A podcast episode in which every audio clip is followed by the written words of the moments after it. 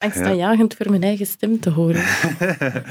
ja, ze kunnen ook een beetje spelen met de microfoon en zo wat uh, dichterbij gaan praten. maken. Ja. De Kava-podcast.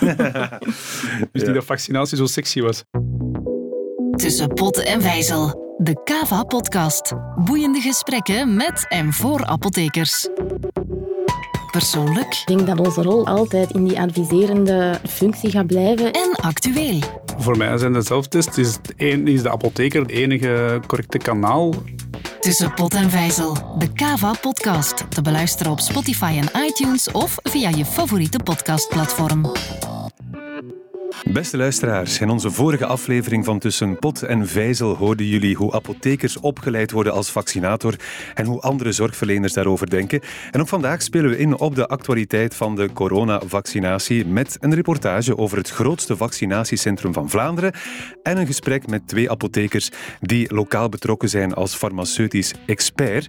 En ik ga je nog een eh, reden geven om te blijven luisteren. Je maakt kennis met enkele ras-echte Antwerpse positivo's. Het is heel, heel goed georganiseerd. Het is allemaal heel in orde, dank u. Tussen pot en vijzel. De Kava-podcast. Ja, maar eerst eens eh, even kennis maken met eh, Cindy de Roeve en Bjorn Simons. Welkom. Hallo. Hallo. Eh, Bjorn, jij kan alvast niet zeggen dat er, dat er geen kat is afgekomen naar het vaccinatiecentrum van Waasland Noordoosten. Nee, inderdaad. eh, het was al eh, direct heel spannend. Hè. Eh, je weet, er zijn al dure vaccins. Hè, die moeten goed beveiligd zijn. We hadden we net de camera's geplaatst en eh, we kregen onverwachts bezoek. Echt? De eerste dag, ja. Eh, het was een kat. We hebben ze dan maar ook direct een bijnaam Comirnaty gegeven. Mhm, oké. En waar staat die naam precies voor? Uh, Comirnaty is het Pfizer-vaccin. Ah, oké, voilà. Voilà. Alright, goed. En was het een brave kat? Het was een heel brave, dus de dag daarna netjes vertrokken. Oké, en het alarm was vals alarm eigenlijk. Voilà. Alright, meteen ambiance dus in dat eh, vaccinatiecentrum. Maar misschien toch eventjes terugspoelen naar het eh, begin. Hè. Op welke manier werden jullie betrokken bij de uitbouw van dat eh, vaccinatiecentrum, Cindy? Uh, Ik ben voorzitter van onze eerste lijnzone en dat was een opdracht die daar redelijk snel onze richting uitkwam. Ehm, ik, wij hebben een eerste lijnzone die over vijf gemeentes gaat. De vijf gemeente, burgemeesters wilden natuurlijk heel graag het centrum in hun eigen gemeente. Maar we hebben gezocht naar eh, een zo goed mogelijke plek, zo centraal mogelijk voor zoveel mogelijk mensen. En vooral haalbaar voor de medische bestaffing. Dus we zijn echt van, van dag nul eh, ja, aan het stuur geweest van het Ja. vaccinatiecentrum. En het is dan Braschaat geworden? Ja, bij ons is het Brasgaat geworden, omdat we daar een grote site hebben. Eh, wij moeten, als we 100% vaccineren, vaccineren wij 90.000 mensen. Dus we hadden echt een plek nodig die groot genoeg was. En die hebben we gevonden op militair domein, dus we zijn eh, in goed gezelschap. Ja, maar, maar dan heb je een, een grote plek en dan begint het nog maar, denk ik. Hè? Ja, inderdaad, dan moet dat helemaal ingericht worden, hè, want dat is echt een lege loods. Dat is eigenlijk een preservatieloods. Daar stonden heel chique voertuigen in, die dat ze dan echt op overnacht hebben eh, uitgeladen daar, herplaatst. En dan mochten wij beginnen hè, met eh, een heel vaccinatiecentrum daarin te steken. Ja, ja. En hoe begin je daaraan? Want krijg je dan hulp van anderen ook nog? Hoe, hoe- gaat dat in zijn werk?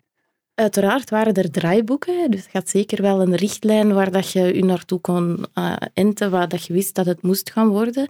Maar we hebben heel snel iemand uit de eventsector onder de arm genomen die dat ervaring hebben met bouwen van cubicles en, en boxen en eh, stroomleidingen van, van stromen van mensen. Ja, ja, het is een soort event eigenlijk, hè? Ja, Dat je je daar- zien. Ja. En wa- wat was je rol daar dan precies? Wel, ja, aangezien dat ik voorzitter ben, heb ik daar echt heel, heel sterk mee in ondersteund, in die lijnen uittekenen. En dan meer specifiek, eh, uiteraard, over hoe dat de apotheek er daar moest gaan uitzien. Hè. Ja. Dat was echt... eh, dat is tot laatst een leeg vakje gebleven waar dat ik mij helemaal los kon laten gaan. Eh, en Bjorn, hoe is het bij jou gelopen? Bij ons, wij zijn eh, in onze eerste lijnzone Waasland Noordoost, zijn we bij twee vaccinatiecentra. Één in Beveren en één in Sint-Gilles-Waas. Mhm. Ehm, daar was het wel ook, eh, burgemeesters hadden natuurlijk allemaal graag hun centrum. Ehm, het zijn er wel twee geworden, omdat het is al eh, vrij lang gerekt en, en men heeft dan lokaal voor de, voor de patiënten toch een, een, een tweede centra opgericht. Eh, in Sint-Gilles-Waas is iets kleiner, Beveren is iets groter en dat dekt eh, de gemeenten Zwijndrecht, Burgt, Kruibeke en Groot-Beveren eigenlijk. Ja, ja. Is die nabijheid belangrijk of hoe, hoe zie jij dat, Cindy? Initieel, voordat de draaiboeken er waren, en als je het mij eind vorig jaar vroeg, was mijn idee, doe het zo dicht mogelijk bij de burger, maar echt letterlijk, lokaal, Mhm. hè, zo, zo snel mogelijk je eigen patiënten, eh, samenwerking huisarts, apotheker, ehm, om zo snel mogelijk, zoveel mogelijk mensen op die manier te vaccineren. Nu, ik, ik heb dan gesnapt natuurlijk, doordat het zo grootschalig Mhm. is dat het in eerste instantie op een andere manier moet aangepakt worden. En dat we nu alleen maar schaalgrootte nodig hebben om daar spoed in te krijgen in die procedure. Dat had anders niet haalbaar geweest. Dat zien we nu ook al. Het logistiek proces, dat is, eh, dat is zelfs nu voor die 95 centraal verschrikkelijk moeilijk. Ehm, maar ik hoop wel hè, dat in de fase na die eerste massavaccinatie, dat we toch zo dicht mogelijk terug naar onze burgers kunnen, want, of naar onze patiënten kunnen. Want dat is, ze doen het allemaal wel, maar we vragen wel van uit hun comfortzone te komen en van echt wel wat moeite te doen voor dat Ja. vaccin te gaan halen. Wat was jouw gevoel daarbij, Bjorn? Ik was van het begin voorstander om zo weinig mogelijk centra en Ja. zoveel mogelijk eh, centraal te krijgen, omdat het gewoon niet kostefficiënt is. En de budgetten zijn nu al veel te laag. Hmm. Eh, daar moeten we trouwens, ai, maar dat is politiek, daar gaan we eh, nog zeker aan bijdragen dat dat, dat, Ja. dat, dat prioriteit krijgt momenteel. Dit is veel te laag. En de kwaliteit mag daar niet onder lijden. Mhm. Dus zeer belangrijk. Goed, jullie waren er van bij de start dus, dus bij in die vaccinatiecentra. Dat heeft wellicht te maken met, met jullie engagement eh, ook eh, binnen die eerste lijnzone, denk ik. Eh, ehm, kan je nog eens vertellen, Cindy, wat het precies inhoudt? Een eerste lijnzone is, ehm, bestaat nog niet zo heel lang. Dat zijn heel jonge structuren. En die ehm, maken eigenlijk het koppel tussen het beleid binnen lokale besturen, de welzijnswereld, hè. OCMW, VAPH hebben wij erbij betrokken, ehm, de mutualiteiten en de zorgverstrekkers. Hè. De zorgverstrekkers waren al min of meer in netwerken verbonden met elkaar, eh, de lokale multidisciplinaire netwerken. Nu is die cirkel eigenlijk veel groter geworden. Er zijn dat drie grote partners, eh, waar dat we dan ook de patiënt proberen aan het woord te laten binnen die VZW. En waar dat we ook lokaal ruimte hebben om, om lokaal belangrijke partners te betrekken. Wij hebben Mhm. daar gekozen voor het lokaal ziekenhuis mee in ons bestuur te nemen en eh, jeugdhulp en VAPH-voorzieningen. Ja. Mhm. Zo'n samenwerking opzetten, dat moet toch wel wat eh, voeten in de aarde hebben, denk ik dan. Dat is eh, heel boeiend natuurlijk. Hè. En eh, zoals Cindy net zei, dat was heel jong opgericht. Ze zijn pas in juli 2020 opgericht, eh, officieel. Ja. Ehm, en krijgt direct een hele mooie crisis op uw, op uw boterham. Ehm, maar langs de andere kant, elke crisis heeft zijn opportuniteiten. En dan zie je dat al die zorgverstrekkers en welzijnswerkers eigenlijk, en lokale besturen eigenlijk heel mooi gaan samenwerken. En ik denk dat dat de positieve boodschap is die we moeten onthouden aan dit verhaal. Dat, dat er eigenlijk een, plots een acceleratie geweest is op, op die zorgaden. Want dat is typisch zoiets dat eigenlijk, als er niet echt een urgentie is, dat dat zo begint aan te slepen en het langer duurt. Ja, en ja. dat is dan het grote voordeel. Een geluk bij een ongeluk, zullen we maar zeggen. En plots mochten jullie aan de slag als eh, farmaceutisch expert dan. Ehm, laten we eens luisteren naar wat zo'n expert eh, precies doet. Kava-collega Silas Ridan, die eh, zat voor Van mee in de taskforce en die schreef zo mee aan de draaiboeken. Ja, de farmaceutisch expert binnen een eh, vaccinatiecentrum die heeft toch wel een, een heel belangrijke rol. Hè. Die, die staat samen bijvoorbeeld de medisch expert en eh, de centrummanager toch wel in het eh, kernteam. Ehm, die persoon die gaat er echt voor gaan zorgen dat de vaccins die toch massaal worden toegediend, hopelijk binnenkort toch, ehm, dat die op een heel kwalitatieve manier worden, kunnen, kunnen worden toegediend en dat eigenlijk heel efficiënt kan verlopen. Je mag niet vergeten, die vaccins gaan ook heel veel geld kosten. Die, ehm, die hebben een zekere handling nodig. Die moeten bij min 70 bewaard worden. Die moeten dan op een goede manier onttooid worden. Die moeten goed voorbereid worden. Die moeten goed opgetrokken worden. Ehm, dus die moet, de traceerbaarheid is ook niet onbelangrijk. Dus elk vaccin dat wordt toegediend moet kunnen worden teruggetraceerd tot een, tot een vial, tot een flesje. Dus die rol van die farmaceutisch expert mag je echt wel niet gaan onderschatten. En is denk ik toch wel cruciaal ook om ervoor te zorgen dat die logistiek binnen dat centrum rond die vaccins, dat die wel optimaal verloopt. Want je wil natuurlijk niet dat er op een gegeven moment te weinig vaccins zijn in verhouding tot het aantal aangemelde patiënten. En die apotheker of die farmaceutisch expert, ja, die heeft daar dan wel die rol om ervoor te zorgen dat alles op wieltjes loopt, een beetje achter de schermen. Dat de mensen die zich komen aanmelden voor het vaccin daar eigenlijk niks van merken. Dat de mensen die de vaccins gaan toedienen zich daar ook niks van moeten gaan aantrekken. En daarom is dat denk ik toch wel een heel belangrijke rol uh, voor de apotheker. En ik vind het wel fijn dat de sector um, daar ook wel voor heeft gezorgd um, en dat de politiek ook heeft ingezien dat je eigenlijk binnen zo'n grote logistieke operatie rond geneesmiddelen, want vaccins, vaccins blijven nog geneesmiddelen, dat er eigenlijk die persoon die dagelijks met geneesmiddelen en bewaring van, goede, van vaccins bezig is, dat die daar een, een plaats heeft gekregen. Ja, ik zag jullie eventjes lachen toen het ging over die bevoorrading. Hè? het big issue. Ja, veel te traag. Mhm. ja, dus dus ja, jullie job is daarin dan, dan enorm belangrijk, hè, om het dan toch een beetje gepland te krijgen. Ja, absoluut. Uh, heel belangrijk, hè? want als die mensen zijn aangemeld en eigenlijk krijgen we een, een preallocatie uh, eh, 14 dagen op voorhand. Ja. En dan worden de uitnodigingen ook verstuurd. Dus die, die slots liggen vast. En als je dan nog moet gaan schuiven op het einde, dat is een, een, een huzarenstukje. Ja. Um, maar zoals bijvoorbeeld gisteravond krijgen we pas om, om half tien onze levering. Och. van vaccins. De koelkast was leeg gisteren. En die kwamen gisteravond pas binnen om half tien, veel later dan verwacht. En vanmorgen om zeven uur moest er geproduceerd worden.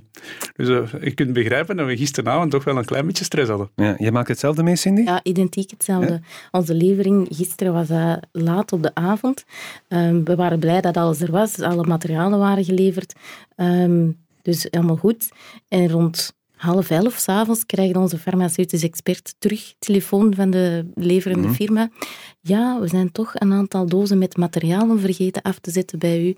Uh, je gaat nog eens moeten terugkomen. Dat is 25 minuten naar het centrum mhm. rijden en terug wachten op de chauffeur. Dus ik denk dat rond middernacht alles in orde was. En ook bij ons om 7 uur is deze ochtend de productie gestart. Dus dat is, ja, dat is een zeer last, uh, just-in-time principe. En dat is uh, zeer stresserend voor die uh, verantwoordelijke, voor die farmaceutische experten. Ja. Dus als ik het goed begrijp, jullie staan daar klaar, maar zonder vaccins, vaak. Of... Wel, het is nog niet letterlijk zo hmm. voorgevallen en ik hoop dat het in geen enkel centra al op die manier is voorgevallen, maar het is echt wel heel hmm. spannend elke keer. Um, ja, dus dat, uh, dat is lastig. ja, kan ik me voorstellen. Um, even kijken hoe ze dat aanpakken in uh, Spoor Oost. We gaan eens uh, luisteren naar Walter Geerts, um, die een van de farmaceutische experts is in Antwerpen. En vervolgens naar de getuigenis van Marian, die daar werkt als um, vrijwilliger.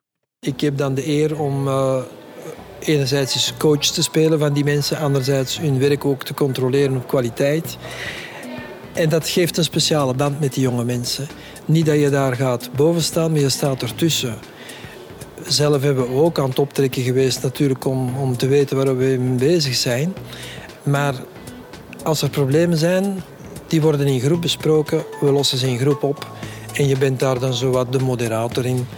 Het is misschien groot gedacht, maar het is wel leuk werk.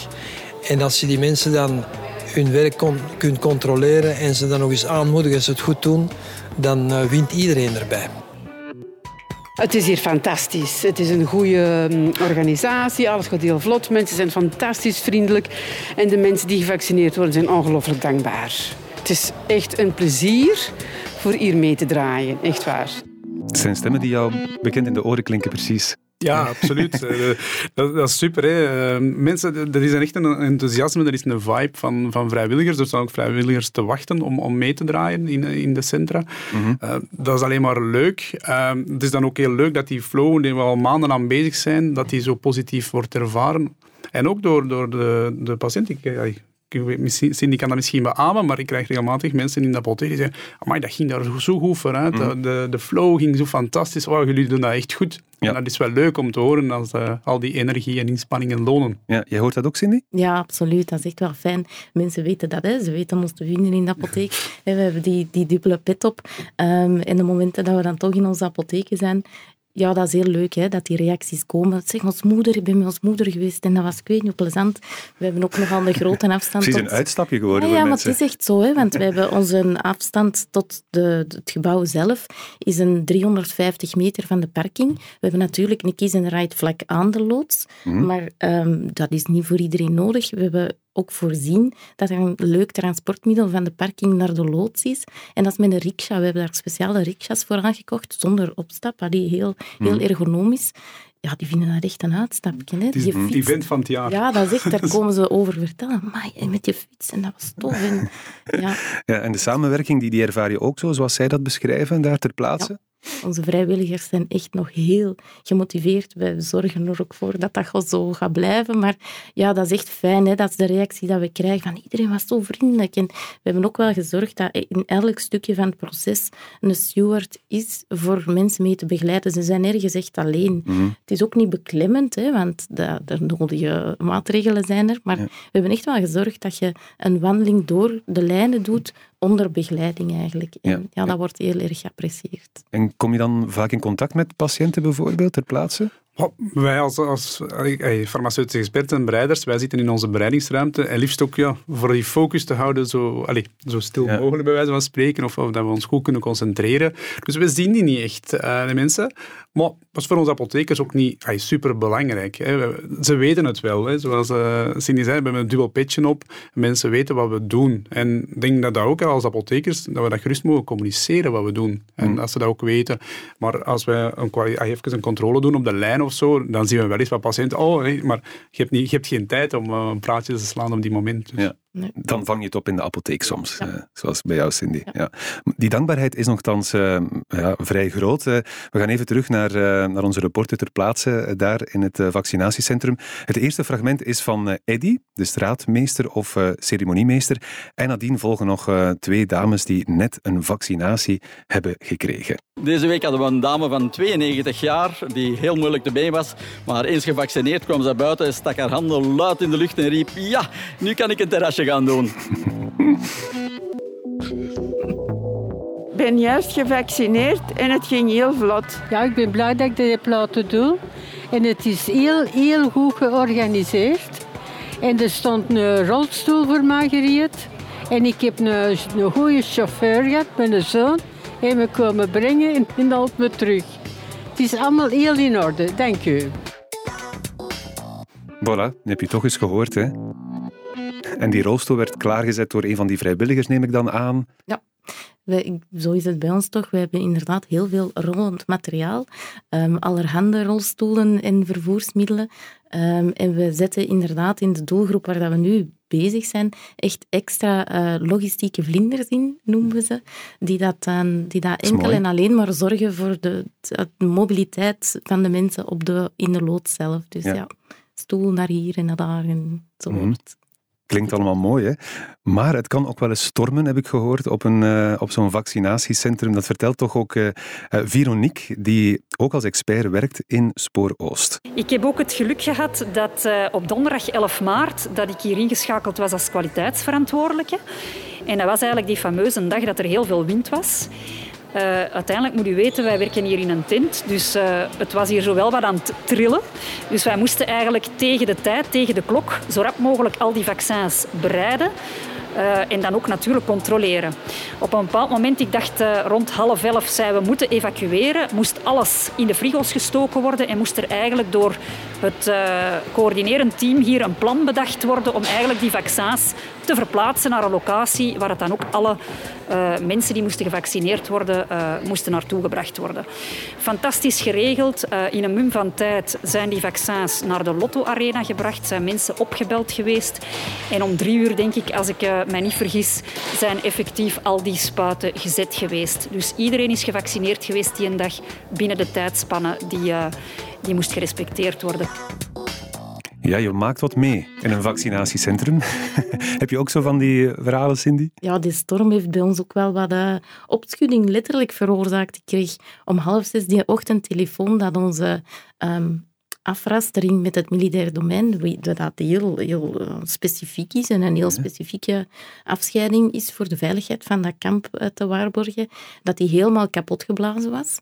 En ben dan direct gaan kijken, dat was inderdaad. En de ehm, conclusie was dat wij niet mochten opengaan, want het kamp, het militair kamp, lag ehm, onbeveiligd. Dus dat was wel heel spannend, want wij starten die een dag om negen uur met vaccineren. Onze apothekers zijn dan toch binnengemogen om te beginnen prepareren. Ehm, we hebben dan politiebewaking moeten inschakelen. Dit is een heel gedoe geweest. En het is opgelost geraakt. We zijn mogen opengaan, maar ik heb, we zijn wel met... Allee, ik, ik heb daar echt eh, de hoogste in rang binnen de provincie letterlijk jezelf moeten bellen en zeggen, man, het moet opengaan, kan niet anders. Ja. En met tien minuten vertraging zijn we daar ook gestart. En met een heel stormachtige dag, want dat was wel heel spannend, Ja. ehm, hebben wij ook onze, al onze patiënten of al onze bezoekers kunnen vaccineren. Ja. En is die, die plek daar, is dat al een beetje een plek van jou geworden ook daar ter plaatse? Het gevoel van, ik hoor daar toch ook al een beetje thuis? Ja, en ik denk dat dat voor de meesten onder ons zo wel is. Dat is echt onze loods geworden. We blijven dat loods noemen, maar dat doet een beetje oneer aan het gebouw ondertussen, want het is echt wel heel fijn ingericht. Ehm, maar ja, dat voelt echt al een beetje als, eh, als van mij. Als Mhm. ik eh, niet per ongeluk het alarm laat afgaan of zo. Ja, ja met de, de alarmsystemen dat, dat Ja. net Björn vertelde. Ik dacht, ja, ja Mhm. dat is heel nodig, die bewaking. Maar het is wel spannend soms. Ja. En hoe is het in Beveren? Wow, soms lopen mensen gewoon binnen van, eh, kunnen wij niet snel ons vaccin krijgen? Dat is, wel, dat is wel heel speciaal, dat je zo... Ondertussen moet toch iedereen weten dat het echt op uitnodiging is. En ja, is er toch geen vrij? Zo even, even tussendoor zo. Ja, dat is, Ja. dat is wel boeiend. Ehm, nu, voor onze laatste reportage uit Spoor Oost geven we graag nog even het woord ook aan eh, Rick, die als arts in de EHBO-post werkt, waar het voorlopig ehm, nog vrij rustig is, blijkbaar. Dit is eigenlijk mijn eerste werkdag en ik heb hier nog niet veel problemen gemerkt. Maar ik hoor ook van mijn collega's die al wat langer hebben gestaan, als ik de shift overnam, dat er amper iets gebeurt. En dat eigenlijk de meeste accidenten die er gebeuren, niet hier in het vaccinatiedorp gebeuren, maar bijvoorbeeld op de parking dat iemand struikelt of valt of zo van die dingen en zich bezeert, dat dat gebeurt. Voor de rest hebben de mensen van allerlei vragen. Vragen waar ze een beetje ongerust over zijn. Eh, bijvoorbeeld, eh, een vraag die er meer dan één keer is gesteld, is dat mensen vragen of ze s'avonds al een pintje mogen drinken of zoiets. Er is niet veel eh, erge problematiek te melden. Ja, nu in de teststrategie eh, wordt er ook vaak verwezen naar, naar de apothekers. eh, ehm, recent nog met de verdeling en de aflevering van de zelftest via de apotheek. Hoe staan jullie daar eigenlijk tegenover? Voor mij zijn de zelftests, is, een, is de apotheker de enige correcte kanaal. Wij zijn dat gewoon van advies te geven op een heel laagdrempelige manier, heel verstaanbaar. Ah ja, aan, aan Jan en alle man eigenlijk. Ehm, en dat is heel eh, belangrijk in deze teststrategie, dat men die testen ook goed gaat gebruiken. Hè, er zit inderdaad een, een foutenmarge op, Ehm, dat weten we. Eh, maar het kan ons wel naar de, naar de exit leiden en, en erger voorkomen. Mhm. Hm. Wat denk jij, Cindy? Ja, ik treed dat helemaal bij. We verkopen ze nu twee dagen in de apotheek. En mensen hebben daar echt heel veel vragen over en echt foute assumpties. Ja. En dat is dus echt wel heel belangrijk dat er telkens advies bij gegeven wordt. Ehm, Wat denken ze bijvoorbeeld of wat vragen ze?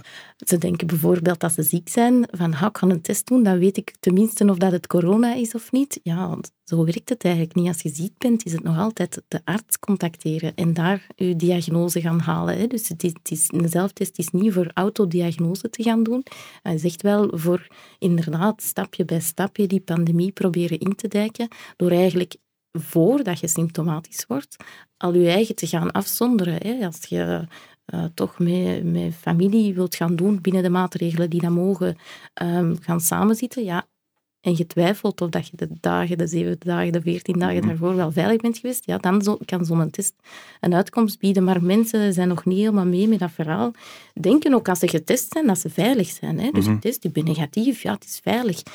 Die zaken moeten wij echt wel heel correct Mhm. aan en meegeven, dat dat geen zekerheden zijn. Ja. Hoe, hoe zien jullie de rol als apotheker in de toekomst binnen heel dit verhaal? Wordt het eventjes stil? Ja, ik denk dat onze rol altijd in die adviserende ehm, functie gaat blijven. En ik hoop ook wel meer naar het preventieve gaat verschuiven. Hè. Dat is een tendens dat we toch al jaren proberen in te bouwen in onze, ja, in onze werking in de apotheek. En hoe beter eh, dat we de preventie doen, hoe beter dat we zo'n zaken gaan kunnen bufferen. Want we zullen nog wel ehm, gechallenged worden de komende jaren door, door dingen die op ons afkomen. En ik denk dat die winbaarheid en ook de kracht van waar we zijn en waar dat wij voor staan als apotheker, dat dat nu toch wel duidelijker is geworden. Hè. We, zijn, we hebben die adviserende functie, hè. wij doen dat, wij kunnen dat, wij kunnen die preventie meegeven. En daarnaast kunnen wij ook heel sterk tot, in de diepte van het prepareren Mhm. van een preparaat Mhm. gaan. Hè. Dus Ja. die heel, heel, heel dat complex aan zaken, dat, dat kunnen wij, dat managen wij. Ja. En, en die rol als vaccinator, Ja, wij zijn ervoor opgeleid. We hebben al een heel groot aantal uh, apothekers die opgeleid zijn tot vaccinator. En ik denk dat alleen maar kan bijdragen. Hè. Men, men, moet het niet zien als een aanval op een andere beroepsgroep of zo, want dat wordt zo gepercipieerd. Het is gewoon een aanvulling. Als je mm. ziet naar de jaarlijkse griepvaccins, naar de vaccinatiegraad, die is niet hoog. Ja. Maar als je met meerdere kanalen dat kan doen, denk je alleen maar een win-win hebt. En dan zitten we in dat preventief verhaal mm. om beter voorkomen dan genezen. En uh, hierover verwijs ik graag eens naar onze vorige podcast, hè, waar we toen hadden over uh, leren vaccineren. Kan je nog altijd uh, beluisteren. Voilà, ik zou zeggen, dankjewel om hier te zijn. Graag gedaan. En graag op naar een volgende aflevering met een nieuwe frisse blik dan op de actualiteit, waarbij we als apotheker uiteraard sterk betrokken zijn. Dit was Tussen Pot en Vijzel. Heb je vragen, suggesties of opmerkingen? Stuur ze naar podcast.kava.be. En vond je deze podcast boeiend? Deel hem dan met anderen. Tussen pot en vijzel, de Kava-podcast. Te beluisteren op Spotify en iTunes of via je favoriete podcastplatform. Staat erop. That's a wrap. Yeah.